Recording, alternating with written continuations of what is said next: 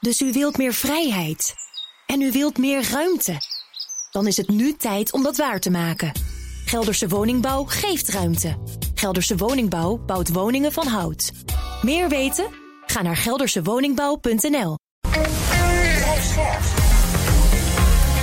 BNR Nieuwsradio. BNR breekt. Conor Klerks. Welkom bij BNR Breekt. Vanaf half twaalf praat ik over het nieuws van de dag. We hebben niet zoveel aan extra woningen als we niet ook het migratieprobleem oplossen. Dat zegt minister Hugo de Jonge van Volkshuisvesting. Mijn panelleden die komen vast tot een oplossing. En we hebben het over China, want dat land heeft zo goed als alle coronaregels afgeschaft. Maar of wij daar ook blij mee moeten zijn, dat is nog maar de vraag. In mijn panel vandaag Jasmin Ayed Abderrahman, voorzitter van FNV Young... en Martine Doppen, campaigner bij Reclame Fossielvrij. Welkom allebei. Goedemorgen. Goedemorgen. En we beginnen met... BNR breekt. Breekijzer. En dat breekijzer heeft alles te maken met uitspraken die Shell-topvrouw, Shell Nederland-topvrouw Marjan van Loon deed in een interview met de Telegraaf. We gaan het hebben over gas. Want waar we misschien dachten dat dit jaar al lastig was en er voor tekorten werd gewaarschuwd, blijkt volgend jaar nog moeilijker te worden. Ook Cora van Nieuwenhuizen, voorzitter van Energie Nederland, deelt deze zorgen. We hebben natuurlijk voor de afgelopen winter uh, toch onze gasbergingen nog voor een groot deel met Russisch gas uh, gevuld. En dat zal uh, volgend seizoen natuurlijk niet meer gaan. Uh, dus ja, dan moet het elders vandaan komen. En dat valt nog niet mee. Nee, dat valt inderdaad nog niet mee. Dus mocht je momenteel de thermostaat al wat lager hebben gezet... wees dan misschien maar voorbereid dat we dat volgend jaar weer gaan doen. Is dat voor jou te doen? Heb je deze winter echt al in de kou gezeten en gaat dat eigenlijk niet meer? Of zie je het niet zo somber in en ben je het eens met ons breekijzer? Want dat luidt, we hebben inmiddels kunnen oefenen... een jaar met minder gas en warmte wordt geen probleem van mij. Uh, voor mij. Bel hoe dan ook even om het te laten weten. Dat doe je naar 020 468 4x0. Wil je niet bellen, maar wel stemmen? Doe het dan in de stories van het BNR Nieuwsradio op Instagram. Aan het einde van dit half uur krijg je een tussenstand van me. En ook bij ons is Bert van Dijk, energiespecialist van het Financieel Dagblad. Dag Bert. Goedemorgen. Goedemorgen. Morgen. Ja. Bert, hoe uh, kijk jij naar ons breekijzer? Um, nou ja, uh, Marjan van Loon heeft natuurlijk wel een punt dat uh, volgend jaar een probleem kan worden. Maar dat is echt wel afhankelijk van een aantal, van een aantal externe factoren. Mm -hmm. Belangrijkste is natuurlijk uh, hoe deze winter, waar we nu in zitten, hoe die verloopt. Als dat blijft zoals het nu is, dus een hele milde winter. Ja. Uh, ja, dan kan het volgend jaar heel erg meevallen. Dus, dus uh, daar hangt het heel erg vanaf. En het hangt heel erg af van uh, wat er in China gaat gebeuren. Ja. Martina, hoe sta jij erin?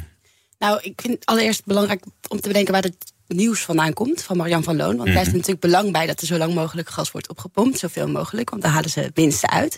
Dus als er um, meer gas nodig is, dan wil Shell dat alle, maar al te graag uit andere landen halen en nieuwe LNG-terminals aan, um, aanbouwen. Zodat ze zo lang mogelijk door kunnen gaan met olie, kolen en gas.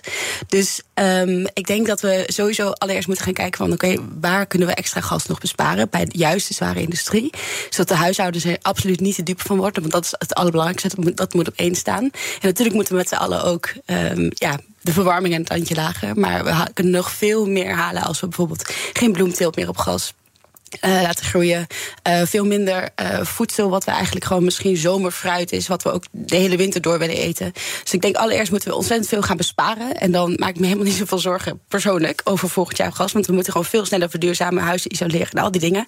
En daar alle miljarden die nu nog steeds in de fossiele industrie worden gepompt, eindelijk in de energietransitie gaan uh, steken. Zodat we dus volgend jaar minder gas nodig hebben. En we ook ons geen zorgen hoeven te maken dat er minder gas is. Want we hebben het niet nodig. Bert, ben je het daarmee eens dat uh, mevrouw Van Loon hier eigenlijk uh, ja, toch wel behoorlijk wat belangen heeft?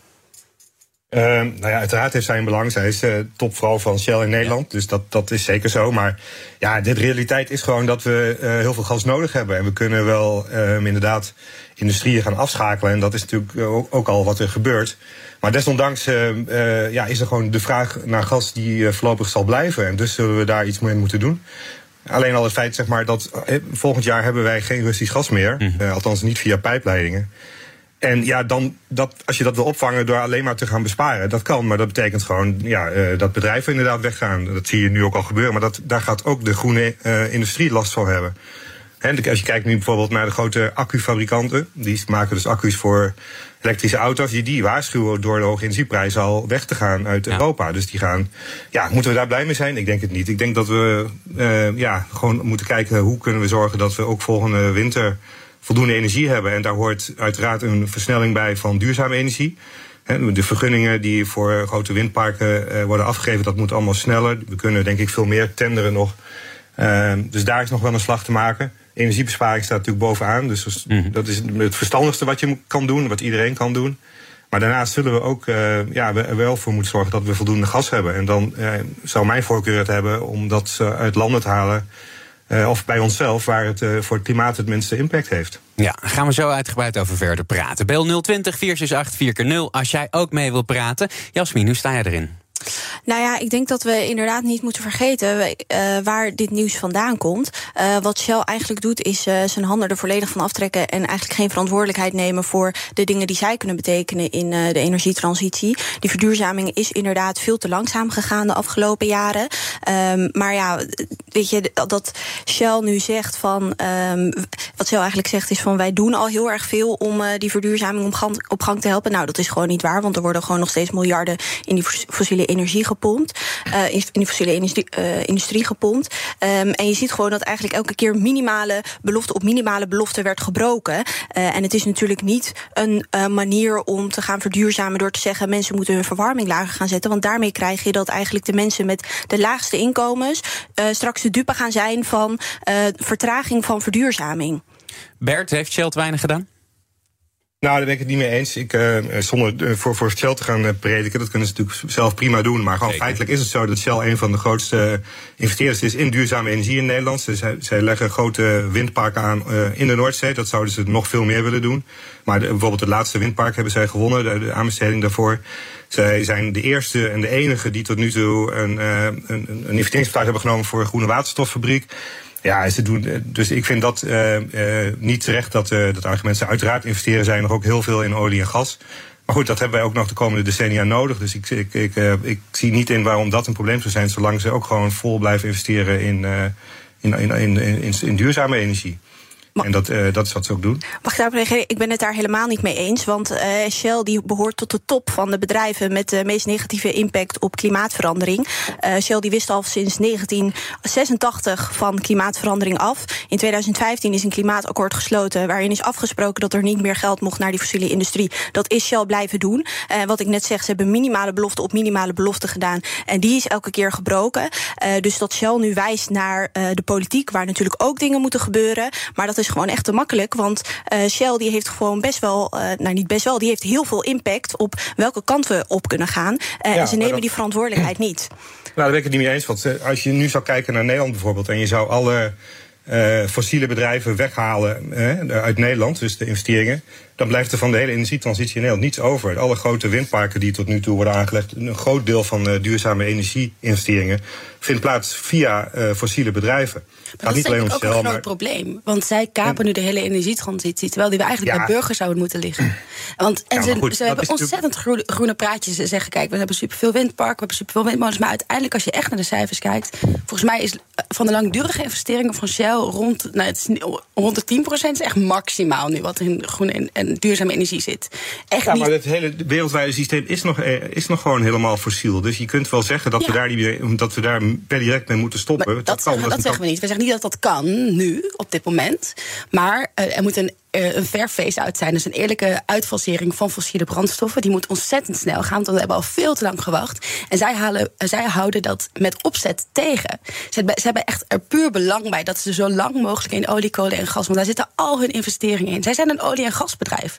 Zij kunnen niet uh, zij houden de energietransitie tegen. Ze zijn al sinds het allereerste kop uh, zijn ze aan het lobbyen tegen, tegen effectief klimaatbeleid. Ze maken ontzettend veel reclame met ons, hoe groen ze zijn, zodat wij gaan geloven dat zij onderdeel van de oplossing zijn. Maar ze zijn onderdeel van het probleem. Ze zijn het probleem. Zij houden het tegen. Okay met opzet. Maar wat zou, wat, wat zou dan de oplossing zijn? Dat, ze dus, dat je ze niet meer in Nederland laat investeren in, in offshore windparken? Nou, ze Kijk, gaat, je, gaat ontzettend veel subsidie naar deze bedrijven. Als dat geld gaat naar ja, maar, uh, energiecorporaties, naar burgers die echt. Ja, maar energiecorporaties gaan, niet, die, die gaan geen miljarden neerleggen om, om windparken aan te leggen. Dat, soort, dat zijn investeringen, ook voor de lange termijn. Dat gaat om, om enorme bedragen. Dat, dat kun je niet zonder ook grote bedrijven doen. En als je, dat kun je zeggen, nou dan willen we niet meer dat Shell dat doet. Maar wie gaat het dan doen? Ik bedoel, we moeten ook realistisch zijn en kijken naar waar de investeringen in de energietransitie in Nederland vandaan komen. En, en dat zijn grote investeringen die ook de komende jaren. Als je kijkt naar waterstof, de komende jaren groene waterstof willen we. Wie gaat dat anders doen dan grote bedrijven? Dat, dat is een realiteit. En dat levert, uh, dat geld dat daarvoor nodig is, wordt inderdaad nu nog verdiend met fossiel. Maar als je kijkt naar de winstgevendheid van groene bedrijven, van Vestas, van Siemens Gamesa, van de grote windturbines, van de zonne. Dat, dat staat in geen verhouding met de winsten die worden gemaakt met fossiel. En dan kun je zeggen, ja, dat, is, dat willen we niet. Maar als dat geld er niet is, kun je dat ook niet investeren in groene energie. Bert, laten we eens even naar, uh, naar die externe factoren gaan kijken waar je het over had. Wat zijn de grote factoren die ervoor zorgen? Natuurlijk hebben we Rusland, er komt geen gas meer door de Russische pijpleiding. Wat uh, zijn de andere grote factoren die voor dit tekort gaan zorgen volgend jaar? Nou ja, de, de, de, de, grote vraag is natuurlijk de winter. Um, als het zo ja. blijft, dan uh, komen we daar. Het, alles draait over de, om de, de gasvoorraden die er zijn in Europa. En we moeten zorgen dat we na deze winter. dat die gasvoorraden niet al te, te leeg zijn. Want ja, dit jaar hebben we die gasvoorraden gevuld, vooral met Russisch gas nog. Nou ja, dat Russie en via pijpleiding gas. Dat hebben we dan volgend jaar niet meer. Dus we moeten dat gas ergens anders vandaan halen. En dus je hoopt dat die gasvoorraden zo vol mogelijk zijn, zodat we daar zo weinig mogelijk ander gas voor nodig hebben. Dat is één punt. En het tweede punt is China. China heeft nu alle beperkingen, is alle beperkingen, de coronabeperkingen aan het opheffen. Dat betekent dat daar de economie weer op gang komt en dat er hele grote vraag naar energie vanuit China komt. En dat mm. was het afgelopen jaar niet het geval. Dus zij hebben heel weinig of veel minder uh, LNG, dus vloeibaar gas, gevraagd het afgelopen jaar. Waardoor wij in Europa de kans hebben gehad om, om ook daar tegen een schappelijke prijs. Uh, relatief schappelijke prijs uh, gas uh, in te kopen. Ja. Als dat niet meer kan, dan hebben we dus aan die twee kanten een, een groot probleem in Europa. En dat betekent dat we dan wel ehm, ja, iets, moet, iets zullen moeten doen. Dus dan zullen we andere maatregelen moeten nemen. Ja, vanmorgen bij de ochtendspits spraken we Cora van Nieuwenhuizen. En die zei er het volgende over. We hebben natuurlijk nu in China gezien dat de economie uh, ja, door corona heel veel plat heeft gelegen. Maar als dat weer gaat aantrekken. Dan uh, zullen er ook LNG-tankers uh, weer richting Azië gaan, gaan varen. En moeten we er dus om gaan knokken. Ja, dat is eigenlijk wat jij ook zegt, Bert. En met knokken bedoelt ze indirect ook dat de prijs dan omhoog zou kunnen gaan. Maar dat ja. levert ook weer problemen op, hè? Nou ja, dat levert zeker problemen op. Maar, eh, en er zit nog een andere kant aan. Kijk, er, vindt enorme concurrentie plaats op die wereldmarkt voor vloeibaar mm. gas. En wij, uh, Europa, heeft nu heel veel gas nodig. En als China dat ook doet, ook. Maar er zijn ook heel veel ontwikkelingslanden, bijvoorbeeld India, Bangladesh, die hebben ook veel gas nodig. En het afgelopen jaar heb je ook gezien dat die landen dat niet meer kunnen betalen. Omdat wij in Europa uh, uh, zelf geen gas meer willen, maar geen gas willen produceren en het dus willen inkopen. En die concurrentiestrijd aangaan met Azië. Waardoor de prijzen uh, zo hoog worden dat met name in India bijvoorbeeld, maar ook in Bangladesh, ja, die kunnen dat gas niet meer betalen en dus de kolencentrales uh, harder laten draaien. Dat is ook uit klimaatoogpunt natuurlijk niet, niet, niet wenselijk. Maar dat zijn ja, hele grote geopolitieke consequenties van de situatie waar we, waar we nu in zitten. Ja, en die situatie, ja, het blijft natuurlijk gewoon uh, draaien om Rusland en om Oekraïne. Hè. Is er ja. uh, iets denkbaar dat als er op een gegeven moment bijvoorbeeld een, een, een vrede zal uh, wat, wat ver zijn, maar misschien dat het conflict een beetje bedaart, komt Rusland dan weer een aanmerking voor de wereldmarkt? Of is dat echt een gesloten deur voor de komende jaren? Nou, dat, dat zou uiteindelijk op lange termijn misschien wel kunnen. Maar we moeten niet vergeten dat de grote pijpleidingen Nord Stream, die zijn natuurlijk opgeblazen, om het zo maar te zeggen. Dus ja. die zijn niet beschikbaar. Uh, de vraag is of die ooit uh, gerepareerd kunnen worden. Uh, dus dat is sowieso al een beperking. En dan, ja, dan zouden via de andere routes zouden weer meer gas moeten komen. Dan moeten eerst alle sancties worden opgegeven. Ik zie dat niet. En dan moet er eerst ook nog een soort vrede komen. Nou, ik, zie dat, ik zou daar niet als Europa op, op, op inspelen. Ik zou het echt proberen om, om zelf zoveel mogelijk maatregelen te nemen. En op andere manieren voor te bereiden. BNR breekt. Conor Klerks. En ons breekijzer vandaag. We hebben inmiddels een jaar kunnen oefenen. Een jaar met minder gas en warmte wordt geen probleem voor mij. En dat heeft alles te maken met uitspraken van Marjan van Loon van Shell Nederland. Die zegt, ja, we hebben volgend jaar grote moeite om de gasbehoefte uh, eigenlijk ja, daaraan te kunnen voldoen. Ja, het breekijzer, ik zei het, we hebben inmiddels een jaar kunnen oefenen. Bert, was dat ook zo? Of was het stiekem gewoon een hele milde winter en hebben we nog helemaal geen kou gevoeld en dus nog niet echt, echt hoeven besparen als consument zijnde? Nou, ik denk dat, dat, dat op zich dat iedereen wel doordrongen is van het feit dat het verstandig is om te besparen en, en de thermostaat een gaatje lager te zetten. Dus ik denk zeker dat dat wel uh, wat heeft geholpen. Maar ja, de echte test hebben we natuurlijk niet gehad nog. Het is wel een beetje koud geweest, maar het is nog. Uh, het is niet een echt een, een hele koude winter nog. Dus ik zou niet willen beweren dat we die test al hebben gehad, nee. Jasmin, heb jij het koud gehad dit jaar? Heb jij in de kou gezeten thuis? Ja, ik, heb zo, ik ben sowieso best wel een koukleum. we zitten hier met uh, één man en twee vrouwen in de studio. En het schijnt ook dat temperaturen overal ingesteld zijn op uh, lichamen van mannen. Dus dat is waar, misschien dat, uh, dat vrouwen daar zich wat beter in kunnen vinden. Ja, ik, ik heb het wel snel koud. En daarom denk ik ook dat, het, um, dat we moeten waken voor het feit dat niet de mensen die sowieso vaak de verwarming al wat lager moeten zetten door de energieprijzen, dat die nu de verwarming helemaal uit gaan zetten. En dat een verwarmd dat dat een soort luxe gaat worden. Of dat je dat alleen kunt doen als bijvoorbeeld mensen op visite komen om het een beetje uh, prettig te maken voor de mensen die binnenkomen. Ik denk dat we ons ook moeten afvragen hoe het komt dat, um, dat heel veel huizen nog niet goed geïsoleerd zijn. Dat daardoor corporaties of door overheden uh, niet, in niet in geïnvesteerd is. Uh, daar is gewoon nog heel veel te doen en dat gebeurt niet. Bert, hoe, hoe, groot is het aandeel eigenlijk van consumenten? Stel, wij gaan met z'n allen ons best doen om wat te besparen. Slaat dan nou een deuk in een pakje boter als, we het hebben over de to totale gasbehoefte van Nederland? Uh, nou, ik weet het niet precies, maar volgens mij is het ongeveer een derde, een derde, een derde. Maar dus, dus een derde van het gas komt, is bij huishoudens, maar dat weet ik niet exact. Maar zeker helpt het als alle huishoudens zouden gaan besparen. Dus ik ben het helemaal eens om zo snel mogelijk wie dat nog niet gedaan heeft, natuurlijk gewoon te gaan, uh, te gaan isoleren. Uh, ja, besparen is de, is de makkelijkste manier om, uh, om, om te zorgen dat we minder afhankelijk worden. Dus dat, ja, dat is iets wat, iedereen kan doen. Ja, in het interview met Marjan van Loon in de Telegraaf uit je ook al kritiek tussen de regels door op het kabinet. Het gaat er te langzaam, zegt ze. De overheid is constant bezig met regeltjes en ook te traag met het uitvoeren van gemaakte duurzame plannen. Deel jij die, die mening? Ja, deels. Er wordt natuurlijk best wel. Er is veel kritiek op het kabinet, maar er is natuurlijk wel de afgelopen tijd ook veel gebeurd. Met name ook de uitrol van wind op zee, die is natuurlijk best wel succesvol in Nederland geweest. Alleen ja, de grote bedrijven zoals Shell vinden dat die willen. Hè, die zeggen elke keer wordt er een windpark getenderd. Daar gaan dan ook hè, vijf of zes partijen die gaan daarop bieden. Uiteindelijk wint er eentje. En dan moeten we weer een jaar wachten tot het volgende windpark. Waarom gaan we die grote parken niet allemaal bundelen en dan gaan we even een hele grote tenders uitgeven, waardoor we allemaal tegelijkertijd kunnen gaan bouwen? Want het kan, dan kan het allemaal veel sneller. Ook als we richting groene waterstof willen, hebben we dat nodig. Dus waarom doen we dat niet? Dus daar zit wel uh, een deel terechte kritiek, denk ik, dat het misschien nog wat sneller kan. En vanuit, uh, vanuit Den Haag gedacht, weet jij waarom we dat niet doen? Nou, uh, ja, we hebben eenmaal zo'n soort routekaart gemaakt voor die. En dat, dat heeft ook met vergunningen te maken. We hebben met, natuurlijk in Nederland met hè, de, Noordzee, daar zitten heel veel partijen op. We hebben te maken met visserij, we hebben te maken met scheepvaart, met, met militaire zones. Het is niet zo makkelijk om, om denk ik, om, om heel snel al die vergunningen uh, vrij te krijgen. Dus ik denk dat daar deels in, in zit. Maar uh, ja, er wordt wel gewerkt volgens mij om dit allemaal. Dat, bedoel, in Den Haag zijn ze er ook wel van doordrongen dat, dat het misschien wat sneller moet. Alleen ja, dat krijgen ze nog niet echt voor elkaar. Nee, en dit is nu natuurlijk een, een, vrij acuut probleem. Als wat mevrouw Van Loon zegt, klopt. Hè, dat we echt tekorten krijgen volgend jaar. Dan, dan heb je niet ja. zo snel een wind- of zonnepark erbij gebouwd, toch? Nee, dus dat is, ik bedoel, we moeten dat zeker doen. Maar dat, gaat, dat is ook niet klaar voor, uh, voor, voor volgend jaar natuurlijk. Dus uh, nee, dat klopt. Maar goed, ook na volgend jaar zullen we uh, gas nodig blijven hebben. En is het dus verstandig om zo snel mogelijk dat proberen te minimaliseren. En wat zie je nog meer als oplossingen? Nou ja, er is natuurlijk een moeilijke oplossing. En, en, dat is natuurlijk dat we ook in Nederland, uh, niet alleen in Groningen, maar ook in, in kleine gasvelden, nog heel erg veel gas uh, hebben waar uh, we veel meer mee zouden kunnen doen. Dat, misschien is dat ook niet haalbaar voor, komend, voor de komende winter, maar toch zeker voor de jaren daarna. En ja, ik denk dat die discussie ook de komende, het komende jaar wel weer zal oplaaien. Uh, ook omdat, ja, nu halen we gas uit Qatar. We gaan het halen, uh, we halen het heel groot deel uh, uit Amerika. Dat is schaliegas. Dat is ook, ja, dat willen we zelf in Europa niet.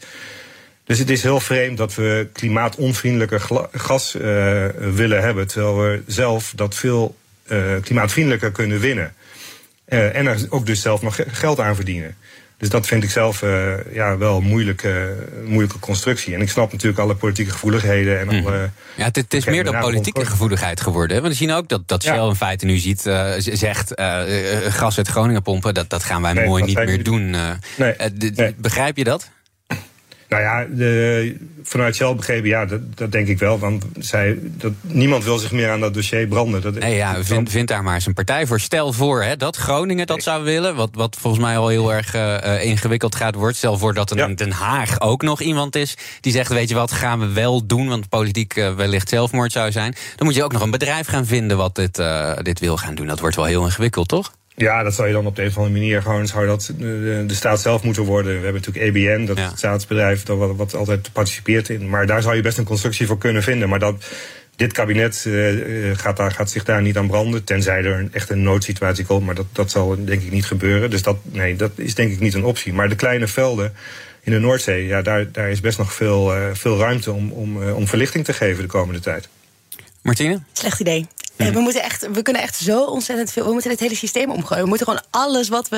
eh, Alles op alles zetten. Zeg maar, het, is niet, het is niet alleen het gastekort. We hebben een klimaatcrisis. Het is echt het aller, de allerergste crisis van onze mensheid. En daar gaan wij straks als jonge mensen en onze kinderen gaan daar gewoon. Dat is onze realiteit. Elke dag. En hoe, ik kan dan gewoon niet erbij dat we geniet buiten ons buiten onze eh, huidige systeem kunnen denken van ja, we moeten dan maar even wat extra gas hieruit halen, extra gas hieruit halen. We moeten gewoon Als we nu- alles op alles zetten om, alle nu banen de uit- goede kant op te leiden. We halen nu gas met, met schepen uit Amerika en uit. Qatar. Dat vind ik Maar dat kunnen, we, verschrikkelijk. dat kunnen we per nu kunnen we dat verminderen met klimaatvriendelijke gas. Waarom zouden we dat niet doen? Wat, wou- dat is, Nou, dat is ook niet mijn klimaat beter. Mijn oplossing is om juist de maar- industrie en al het gas wat we niet hoeven te gebruiken, om dat gewoon niet te gebruiken, om dat te verbieden. dat dat nog- eens. Maar dat is niet. à la minuut kunnen we. Als we, we kunnen à la minuut iets doen voor het klimaat, namelijk vies gas vervangen door schoon gas. Even heel gechargeerd. Toch doen we dat niet. Dat, dat is toch gek? Omdat er ontzettend veel risico's ook nog bij zitten. De Noordzee is niet zomaar iets waar je eh, schoon een gaskraantje open kan trekken, waardoor het er allemaal uitstroomt. Er zitten zoveel consequenties voor de biodiversiteit daar, die we ontzettend hard nodig gaan hebben als we de klimaatcrisis willen, willen gaan voorkomen. Het is, er zijn zoveel meer onstredenheid nog rondom dat Nederlandse gas dan even een schoon gaskraantje opentrekken, waar je dan weer een nieuwe voorraad uit kan halen. En de, alle risico's die daarbij bij komen kijken en onze, onze, onze verslaving aan gas is zo ontzettend groot dat we gewoon niet kunnen, anders kunnen denken. We kunnen zoveel meer, zeg maar, in huishoudens als dat een derde is. Dan hebben we volgend jaar absoluut wel genoeg, toch? Dan zetten we een tijdje de, de, de, de andere dingen stil. Dan gaat onze economie daar een tijdje aan onderdoor. Maar dat bouwen we wel weer op, omdat we al echt gaan investeren in echt groene dingen. En dan kunnen we, kunnen we daarin floreren in de toekomst. Het gaat allemaal echt niet rooskleurig worden, maar we moeten wel. Wat denk je daarvan, Bert? Eh, beg- Begrijp je het- zorg een beetje? Ja, natuurlijk begrijp ik het zo. Ik bedoel, ik, maar de klimaatcrisis die is onbetwist. Maar daarom zeg ik, want ik, daarom begrijp ik niet waarom. Als we, als we nu schoner gas kunnen krijgen dan we nu. Ik bedoel, ik snap op langere termijn dat we van alles moeten. Maar op de korte termijn kunnen we ook al iets doen. En ik zie niet in waarom we dat dan niet zouden doen, zeg maar. En dat, ja, dat vind ik dus eh, heel onbegrijpelijk. Er is, de, het, zeg maar, er is een soort, altijd een soort spanning tussen een soort idealistische wereld en de realiteit. En daar, daar zit vaak de, de, de spanning, denk ik. En ja, ik denk dat, dat, nou ja, daar verschillen we denk ik van mening. Dat de realiteit is denk ik dat we nu iets moeten doen. Eh, in plaats van, ja, een ideale, iedereen wil een ideale wereld. Ik wil ook geen honger, ik wil geen oorlog in de wereld. Maar dat, dat is het nu helemaal zo. En dan moet je kijken naar wat kunnen we doen om, om het zo beperkt mogelijk te houden. Ja, en dan heb ik liever Nederlands gas dan, eh, dan gas eh, uit, uit schalievelden in Amerika of uit Qatar. Jasmin, wat denk jij? Nou, ik eh, denk dat we in plaats van mo- moeten gaan van een energietransitie, echt, nou ja, dat we echt moeten, moeten hebben over een energiecrisis. Want dat is gewoon nu wat er aan de hand is.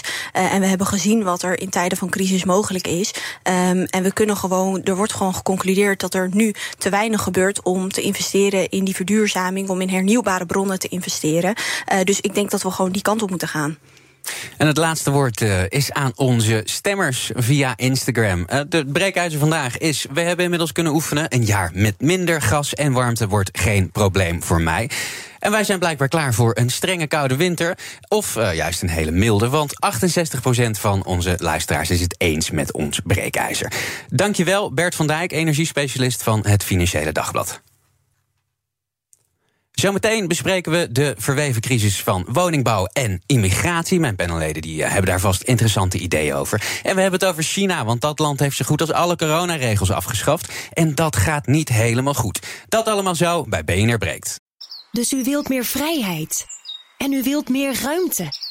Dan is het nu tijd om dat waar te maken. Gelderse Woningbouw geeft ruimte. Gelderse Woningbouw bouwt woningen van hout.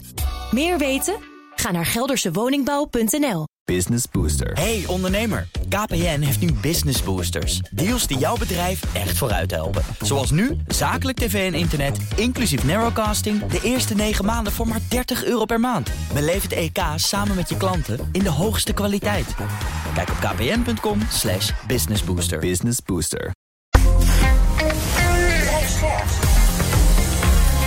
BNR Nieuwsradio. BNR breekt. Conor Klerks. Met in mijn panel vandaag Jasmin Ait Abderrahman, voorzitter van FNV Young... en Martine Doppen, campaigner bij Reclame Fossielvrij. We gaan praten over het nieuws van de dag. En we beginnen met een opmerkelijke uitspraak van Hugo de Jonge. Want hij zegt, zonder een forse vermindering van de migratie... is het woningtekort in Nederland niet op te lossen. En hij is minister van Volkshuisvesting inmiddels. Dat zegt hij trouwens tegen Trouw. Dus gaat de Jonge de komende periode inzetten... op het verlagen van het aantal migranten.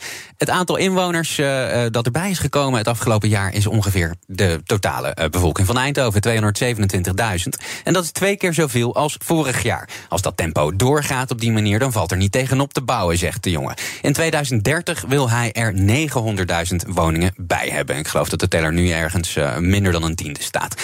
Ja, goed, wat, uh, wat moeten we daar eens eigenlijk van vinden? Jasmin, laat ik bij jou beginnen. Wat, wat vind je van die uitspraak van de jongen? Nou ja, ik moet heel eerlijk zeggen dat het eerste wat ik dacht was... Uh, heeft deze man VVD-corvée? um, want uh, ja, migratie is natuurlijk niet de oorzaak van de wooncrisis die wij nu hebben.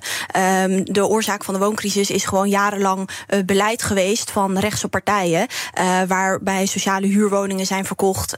waarbij huisjesmelkers volledig hun gang konden gaan. Um, en nou, daardoor hebben we nu gewoon een enorm woningtekort... en reizen de prijzen de pan uit. en nou, Hugo de Jonge die zegt van, uh, ja, we gaan het op deze manier niet redden. Het CBS zegt van, nou, het kabinet haalt inderdaad uh, de doelstellingen niet. Dus wat het kabinet nu eigenlijk zegt is, we hebben doelstellingen en we, het lukt ons niet om die te gaan bereiken. Dus we gaan maar een beetje zoeken naar andere oorzaken uh, waar het door zou kunnen komen. Um, en er is nu, nou ja, het gaat om 900.000 woningen die we zouden moeten hebben in 2030. Maar het feit is ook dat we sinds 2015 door beleid van rechtse partijen 100.000 sociale huurwoningen nu niet meer hebben. Uh, dus om naar, om naar migratie te wijzen, ik vind dat best wel gevaarlijk eigenlijk. Want het zorgt voor polarisatie en bij heel veel mensen ook voor angst. Uh, dus ik schrik er een beetje van. Martine? Ja, ik ben het helemaal met je eens. Um, het is uh, jarenlang beleid waar, nu, waar nu, wat nu heel duidelijk wordt dat dat een ontzettend groot probleem was en is. Uh, we hebben helemaal geen sociaal, uh, sociale woning. Um, voorziening meer in Nederland. En um, ook, we, hebben wel genoeg woningen. Er is genoeg plek in Nederland om woningen te bouwen. Maar ook uh, genoeg uh, leegstaande kantorenpanden. Panden. Er zijn heel veel vrije sectorwoningen die leegstaan, maar die niet te betalen zijn. Dus er moet gewoon een hele, hernieuw, uh, een hele herziening komen van dat woonsysteem. waardoor we gewoon met z'n allen prima hier kunnen blijven wonen. En waardoor we juist nog veel meer migrant, migranten kunnen opvangen. Want er zullen nog steeds, de komende jaren zullen veel, zullen veel meer mensen nog naar Europa komen. Vanwege de klimaatcrisis. Vanwege de. Van de revolutie in Iran. Uh, um, van, uh, vanwege zo ontzettend veel dingen uh, zullen er meer mensen naar Europa komen. Maar we, moeten, we hebben een plicht om die mensen op te vangen. Omdat we zelf ook een grote oorzaak hebben in het, in het, ja, in het tot stand komen van dit soort crisissen, zoals klimaat bijvoorbeeld. Dus we moeten kijken naar een ander systeem, een ander woonsysteem. En daarbij weer veel meer nieuwe sociale huurwoningen maken. Zorgen dat die vrije sector beschikbaar is voor een middenlaag die daar nu helemaal niet toegang tot heeft. Dus ik ben het absoluut niet met hem eens. Het gaat ook uh, helemaal niet alleen maar om asielzoekers. Hè. Een heel groot deel van, uh, van dat aantal is gewoon arbeidsmigranten. Die hebben we nodig om uh, personeelstekorten op te ja. lossen. Om te zorgen dat de zorg blijft draaien. De tandartsen mm -hmm. bijvoorbeeld. Of gewoon de mensen die voor ouderen zorgen. dat werk. Vanmorgen spraken we nog even met de hoogleraar woningmarkt aan de TU Delft, Peter Boelhouwer. En die had nog wel een interessant kritiekpuntje voor de minister. En het is eigenlijk al structureel. De laatste, nou, pak een beetje tot 2015 is dat aan het oplopen. En het, is, ja, het heeft vooral met de arbeidsmarkt te maken. We hebben enorme tekorten. Maar ik vind wel dat we moeten er ook bij zetten dat we dan ook wel welvaart gaan inleveren. Want dat is dan wel de consequentie. Is het dus gewoon te makkelijk uh, gezegd door de jongen, Martine? Ja, absoluut. En hij zoekt ook gewoon een zondebok, waardoor hij uiteindelijk weer rechtse politiek kan bedrijven. Want mensen willen dit heel graag horen dat er een groep is in de samenleving die de schuld heeft van alles. En ik denk dat het heel gevaarlijk is om juist als minister dit soort uitspraken te doen, omdat je dan nog meer haat uh, zaait en nog meer verdeeldheid creëert. Terwijl we juist dichter bij elkaar moeten komen om dit samen op te lossen. En er samen voor te zorgen dat we weer een gezonde economie gaan bouwen. Uh, gebaseerd op duurzaamheid, uh, op juist inclusie van, van alles en iedereen. En ervoor zorgen dat juist ook mensen die hier naartoe komen, dat die sneller kunnen beginnen met een baan. En, en maar dat kan ook alleen maar als je een veilig huis hebt om in te wonen. Dat je je veilig voelt in dit land. En dit is absoluut alles wat hier nu tegenwerkt. Een veilig gevoel voor mensen die hier nieuw komen. Jasmin? Het is gewoon een valse tegenstelling die je eigenlijk maakt. Hè? Want hij zegt uh, precies wat, uh, wat Martine zegt. Het, hij zoekt een zondebok. Um, en het zijn juist die rechtse partijen, los van uh, je politieke voorkeur, die de afgelopen jaren ervoor hebben gezorgd dat we nu een woningtekort hebben. En, om, als, en nu gaan diezelfde partijen gaan nu iemand anders, een andere groep, de schuld geven van het woningtekort dat wij nu met z'n allen hebben. Terwijl jongeren meer de helft van hun inkomen kwijt zijn aan wonen, omdat ze in de particuliere sector moeten, moeten huren. Dus ja, dat hij dit. Ik vind het echt een gevaarlijke uitspraak die hij doet. Um, en ik, ja, ik vind het echt, echt heel kwalijk. Hij zegt ook van het groei, de groei van het aantal mensen is disruptief. Dat is wat hij zegt. Maar dan denk ik, nee, de groei van het aantal mensen is niet disruptief. Het beleid de afgelopen jaren is disruptief geweest voor hoe we er nu voor staan.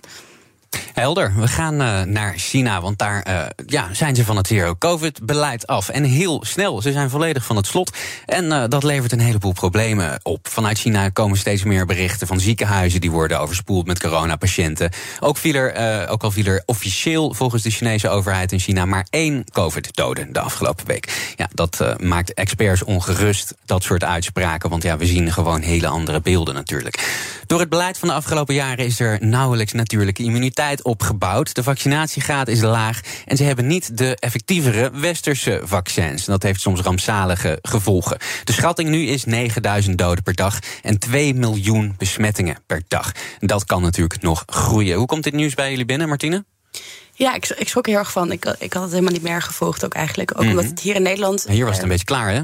Nou ja, mensen worden wel ziek, maar ze belanden niet meer in het ziekenhuis. En ik denk dat het inderdaad ook komt door de opgebouwde immuniteit die we hebben. Ik ben ook wel benieuwd of daar misschien nog andere varianten in China nu weer uh, zijn. Daar zag ik niets over in het nieuwsartikel. Uh, maar ik denk dat het sowieso gewoon dat we, als je kijkt naar landen als Nieuw-Zeeland... mijn zus heeft daar een lange tijd gewoond en ook aan mhm. COVID gewerkt... hoe ze daar bijvoorbeeld die afbouw deden van zo'n lockdown... in verschillende fases, heel duidelijk wat er gaat gebeuren. Ik denk dat dat heel erg belangrijk is is ook vooral in zo'n land als China, uh, zo'n ontzettend groot land met zo'n enorme economie. Ik bedoel, ja, ik kan me voorstellen dat je, als je denkt, nou, we kunnen weer, dat je gewoon weer doorgaat met hetzelfde. Maar je moet daar als overheid verantwoordelijkheid voor nemen om dat heel langzaam af te bouwen. Ja, Jasmin? Ja.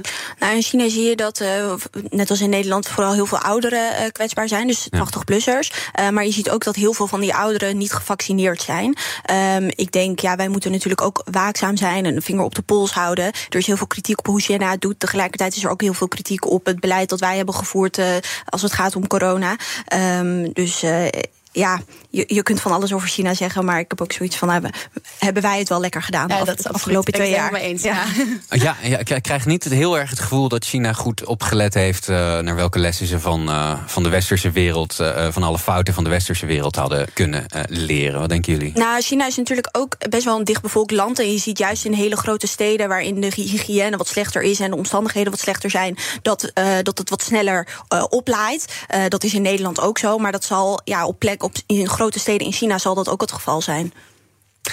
Ja, en uh, binnenkort is het Chinees nieuwjaar in januari. En de Chinezen gaan dan massaal ook op reis, ook bijvoorbeeld naar Nederland. Uh, daar zou je je zorgen over kunnen maken. Uh, maar volgens Marjolein Kikkert, moleculair viroloog aan het LUMC in Leiden, hoeven we ons daar gelukkig niet zo'n zorgen over te maken. De situatie is echt heel anders in onze populatie. In de zin van dat wij veel meer blootgesteld zijn in de afgelopen twee jaar dus aan, aan dat virus. Waardoor ons immuunsysteem in zijn algemeenheid veel beter bestand is tegen ook wat daar nu rondgaat, zeg maar, dan de Chinezen zelf. Geruststellende woorden, Martine?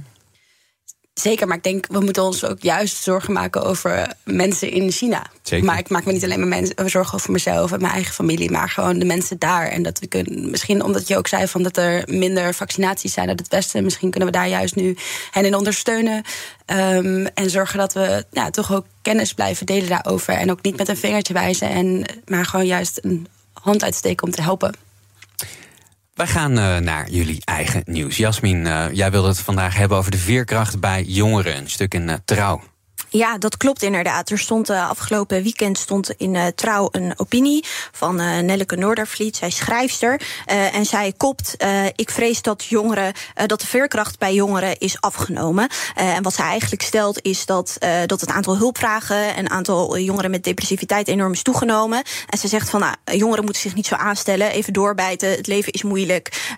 Um, ja, jullie zijn eigenlijk allemaal watjes. Daar komt het eigenlijk op neer. ja, ik, ik moet eerlijk zeggen dat toen ik de kop las, uh, was ik al geïrriteerd. Uh, en toen ik het stuk las, werd dat niet minder.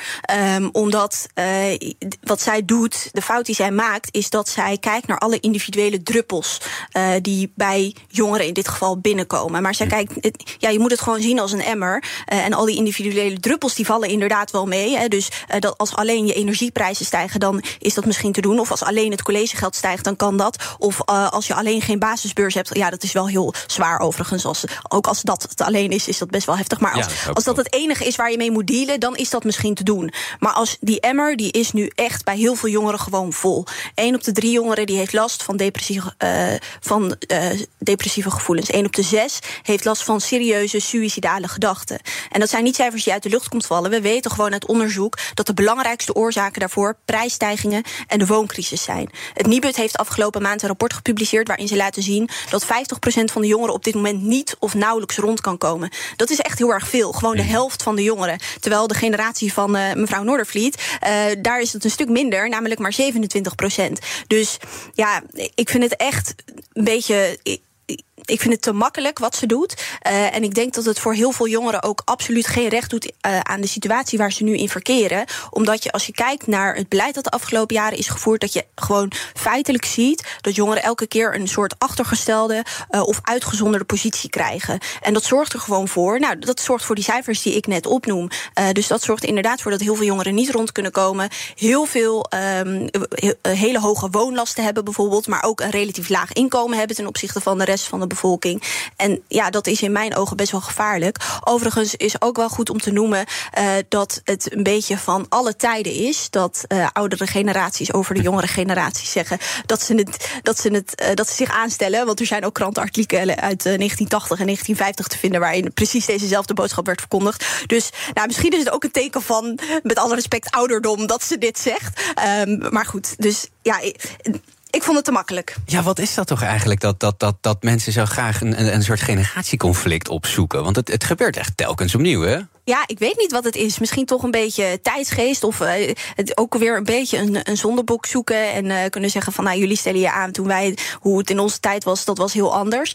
Um, maar dat is denk ik ook het probleem op dit moment. Dat de mensen die nu aan de knoppen zitten, helemaal niet zo goed weten wat het inhoudt om nu jong te zijn. En tegen welke problemen je nu eigenlijk aanloopt.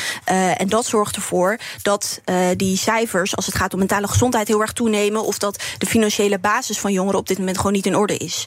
Moeten jongeren dan zelf actiever worden in de politiek? Of moet er meer ruimte gemaakt worden? Hoe zie je dat? Ik denk, dat, ik denk dat heel veel jongeren al uh, van zich laten horen. We hebben afgelopen jaar dus een soort protest uh, op, op mars van jongeren. Uh, dus jongeren laten heel veel van zich laten horen. Ik denk dat het gewoon te weinig urgentie heeft. En dat het een kwestie is van politieke keuzes die niet gemaakt worden.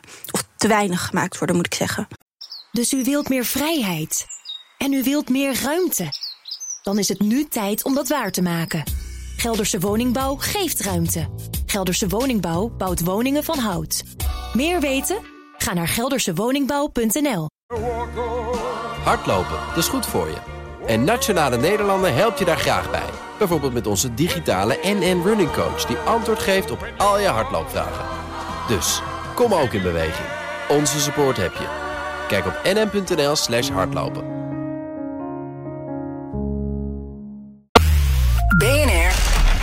break. En tot die tijd uh, zit je nog gewoon in BNR. Breekt en mijn panel bestaat vandaag uit Jasmin Ait Aderachman, voorzitter van FNV Young, en Martine Doppen, campaigner bij Reclame Fossielvrij. Uh, Martine, we zijn aangekomen bij uh, jouw nieuws van de dag. Waar wil je het over hebben? Nou, er waren verschillende kerstinterviews afgelopen weken met Katja Hermsen, onder andere acteur, mm -hmm. Dolf Jansen, Jan Terlouw en ja, allemaal over klimaat. Ja. En vervolgens kreeg Katja Hermsen heel veel over zich heen, omdat zij zelf ook vliegt voor haar werk werken. Dus de helft van, van, van haar uh, werkjaar eigenlijk is uh, in de VS. Ja. En de helft van haar werkjaar is in Nederland. En als ze vooral klimaatactief is bij Extinction Rebellion. Mm -hmm. Nou, supergoed. En ik denk ook vooral dat het heel belangrijk is dat je ja, dat, dat ook samen kan gaan. Dus je hebt ja, ergens commitment gemaakt van oké, ik, ik, ik, werk als acteur um, over, over zee.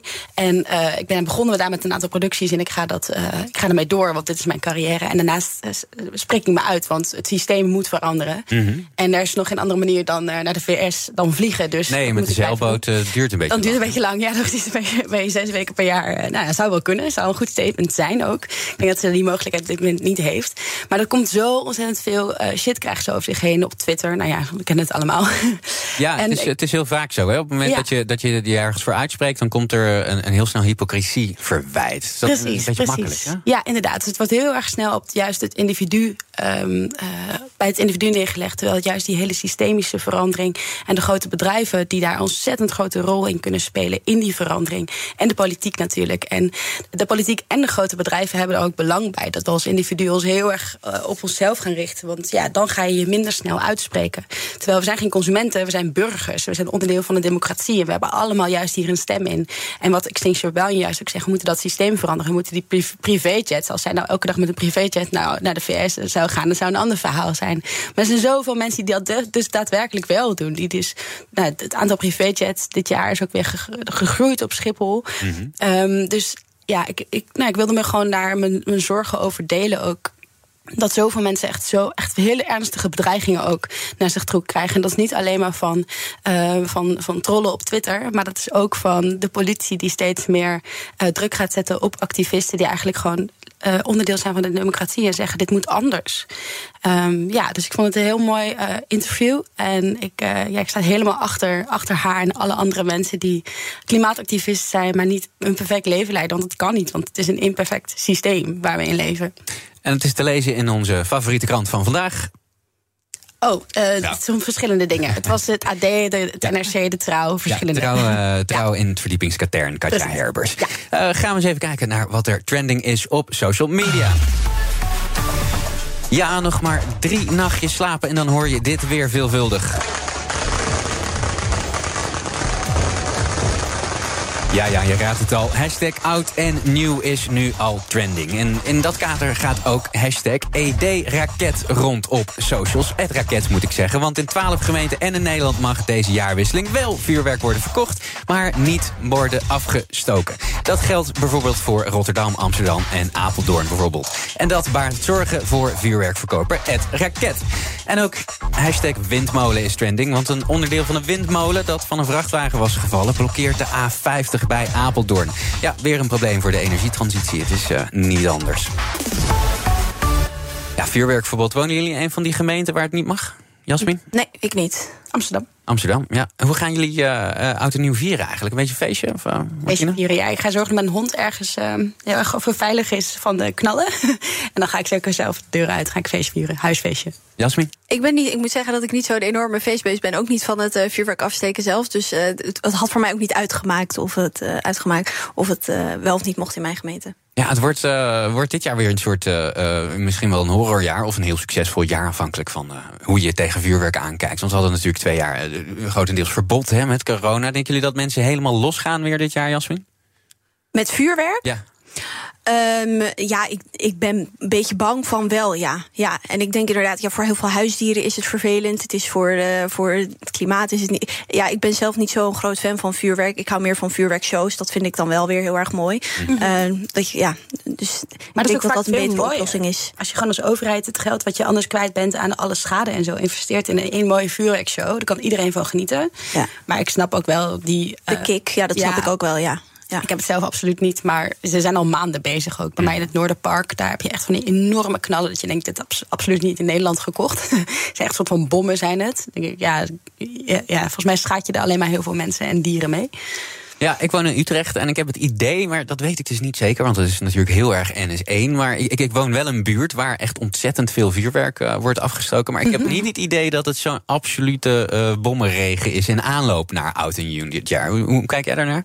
Hoe is het in Amsterdam? Nee, ik heb dus sinds, sinds kort heb ik een hond. Dus nu ben ik ineens heel bewust ervan. En die schrikt er enorm van. Dus ik heb het wel. Ik heb wel het idee dat dus de afgelopen tijd in het Noorderpark was het heel veel. Waren echt van enorme bommen. Dat die misschien alvast voor nieuwjaar een beetje zijn afgestoken. Dat ze ze niet meer kunnen gebruiken.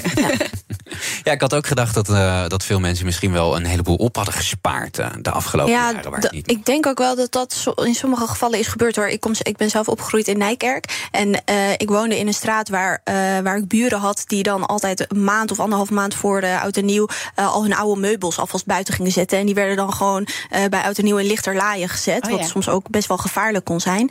Eh, en dat gebeurt, dat gebeurt nog steeds. We gaan eh, naar een eh, onderwerp, eh, ja, eigenlijk iets wat je met en nieuw absoluut niet moet doen. Namelijk achter het stuur stappen na een drankje. Drank maakt meer kapot dan je lief hebt. Zo klonk ooit een alcoholpreventiecampagne. En dat is ook zo, zegt Wim van Dalen, directeur van het Nederlands Instituut voor Alcoholbeleid. Stap. Er zijn weer steeds vaker ongelukken met drank in het spel. Zoals het dodelijke ongeluk in, As- in afgelopen weekend. Geschat wordt dat tussen de 12 en de 23 procent van de auto-ongelukken door drank komt.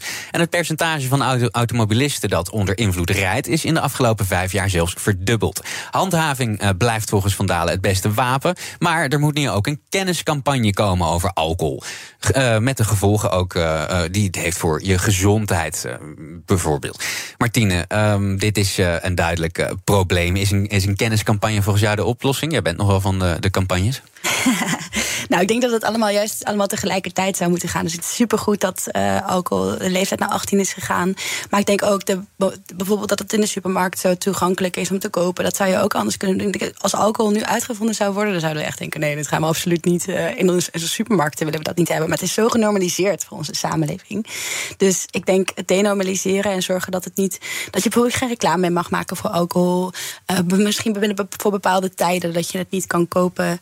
Ehm, ja, ik denk met co- COVID was het toen een tijdje ook zo dat je een tijdje de drankafdeling dan was afge- afgesloten. Ik denk dat er best wel andere manieren zijn om ook eh, het minder verleidelijk te maken om alcohol te kopen. En nog strenger te zijn ook ja, ouders ook te helpen, te ondersteunen met hoe ze hun kinderen daar, ehm, eh, daar goed in kunnen opvoeden.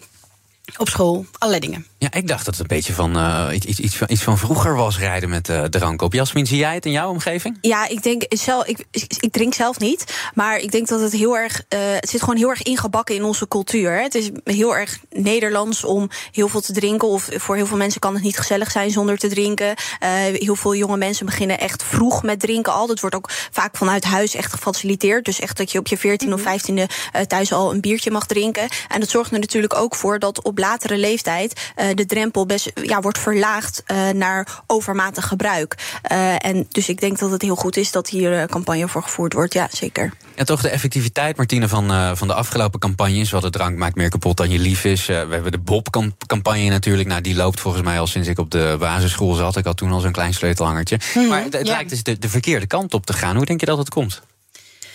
Nou, ik denk ook dat mensen die, ehm, nou ja, jongeren die kwetsbaarder zijn, ook sneller gaan, gaan drinken misschien. Eh, ik heb geen idee, ik heb dat, dat is net een idee wat in mijn hoofd opkomt. Maar ik, wat ik bijvoorbeeld wel weet uit de LHTBI-gemeenschap... dat er meer jongeren zijn of meer mensen met drank, eh, alcoholproblemen... eh, dan mensen die cis-hetero zijn bijvoorbeeld. Mensen die een uitdaging hebben in de samenleving gaan sneller drinken. En dat zou best wel kunnen dat dat misschien ook een rol speelt bij jongeren. Dus ik denk, ja, ik denk als we met z'n allen gezonder zijn, ook op alle andere vlakken, ga je misschien ook minder snel drinken. Heb je er minder snel behoefte aan. Ja, volgens mij dat drinken, dat doen we toch al wel, eh, wel een paar duizend jaar. Dus of we dat Ja. er helemaal uit gaan krijgen, dat is nog maar de vraag. Maar ja, niet drinken achter, en dan achter het stuur kruipen, dat zou je denken zou zou haalbaar moeten zijn. Jasmin? Nou ja, je kunt iets misschien inderdaad niet helemaal verbannen, maar je kunt wel bepaald gedrag stimuleren. En eh, we zien nu dat het gewoon dat het te veel is en dat het gevaarlijk wordt. Eh, dus ik denk inderdaad dat het goed is als we maatregelen treffen om eh, nou ja, onder andere alcoholgebruik in te perken. Martine? Ja, goed idee. ik, ik heb er nog niet zo heel specifiek een idee over hoe dit zou moeten. Ik zat ook net te denken van met het alcohol en rijden. Volgens mij wordt er zelfs op tankstations nog eh biertjes verkocht. Is dat in Nederland Nee, zo? Dat is in Nederland niet meer zo. eh, ik kwam al net uit tijd niet meer. Oh ja, in België, in Spanje, België kan, ja, ja. Dat, kan dat bijvoorbeeld nog wel, geloof ik. Ja, precies. In Nederland, dat is wel een goede, goede stap. Ik heb geen idee wat er volgende. Ik denk op scholen, op educatie, ik denk dat daar sowieso een hele kern zit van wat eh, de mogelijkheden zijn. Ja, en heel veel ouders, laatste toevoeging, heel veel ouders die denken van als ik mijn kind thuis maar laat drinken, dan is het in elk geval veilig. Maar we we weten uit heel veel onderzoeken dat dat eigenlijk averechts werkt. En dat, er, dat dat op lange termijn juist ervoor zorgt dat uh, mensen meer gaan drinken, zeker jonge mensen. Uh, dus dat is ook iets wat we, een cultuuromslag die plaats moet gaan vinden. Ja, en nog een laatste ding, want ik denk ook van uh, hele, hele zoete alcoholische dranken, dat is vaak waar je mee begint. En dat is denk ik juist ook heel erg misschien wel vanuit de alcoholindustrie gericht op jongeren. Dat gebeurt bijvoorbeeld met tabak heel erg. Uh, dat er heel erg veel kindermarketing is. Dus ik denk ook gewoon misschien juist die zoete drankjes die uit de schappen halen en nou ja, bier en wijn. en niet meer alle zoete meuk. Ik denk dat dat misschien ook nog helpt. Oké, okay, dus twee boodschappen. Ouders, let op je kinderen. En uh, we stoppen met de verkoop van breezers. Tot zover BNR breekt voor vandaag. Dank aan mijn panelleden. Jasmin Ait Abderrahman, voorzitter van FNV Young. En Martine Doppen, campaigner bij Reclame Fossielvrij. Morgen is BNR breekt er weer. Tot die tijd volg je via BNR via de socials, zoals YouTube, Instagram en Twitter. Zometeen BNR Zaken doen met Thomas van Zijl. Tot morgen. Dus u wilt meer vrijheid. En u wilt meer ruimte. Dan is het nu tijd om dat waar te maken. Gelderse Woningbouw geeft ruimte. Gelderse Woningbouw bouwt woningen van hout. Meer weten? Ga naar geldersewoningbouw.nl.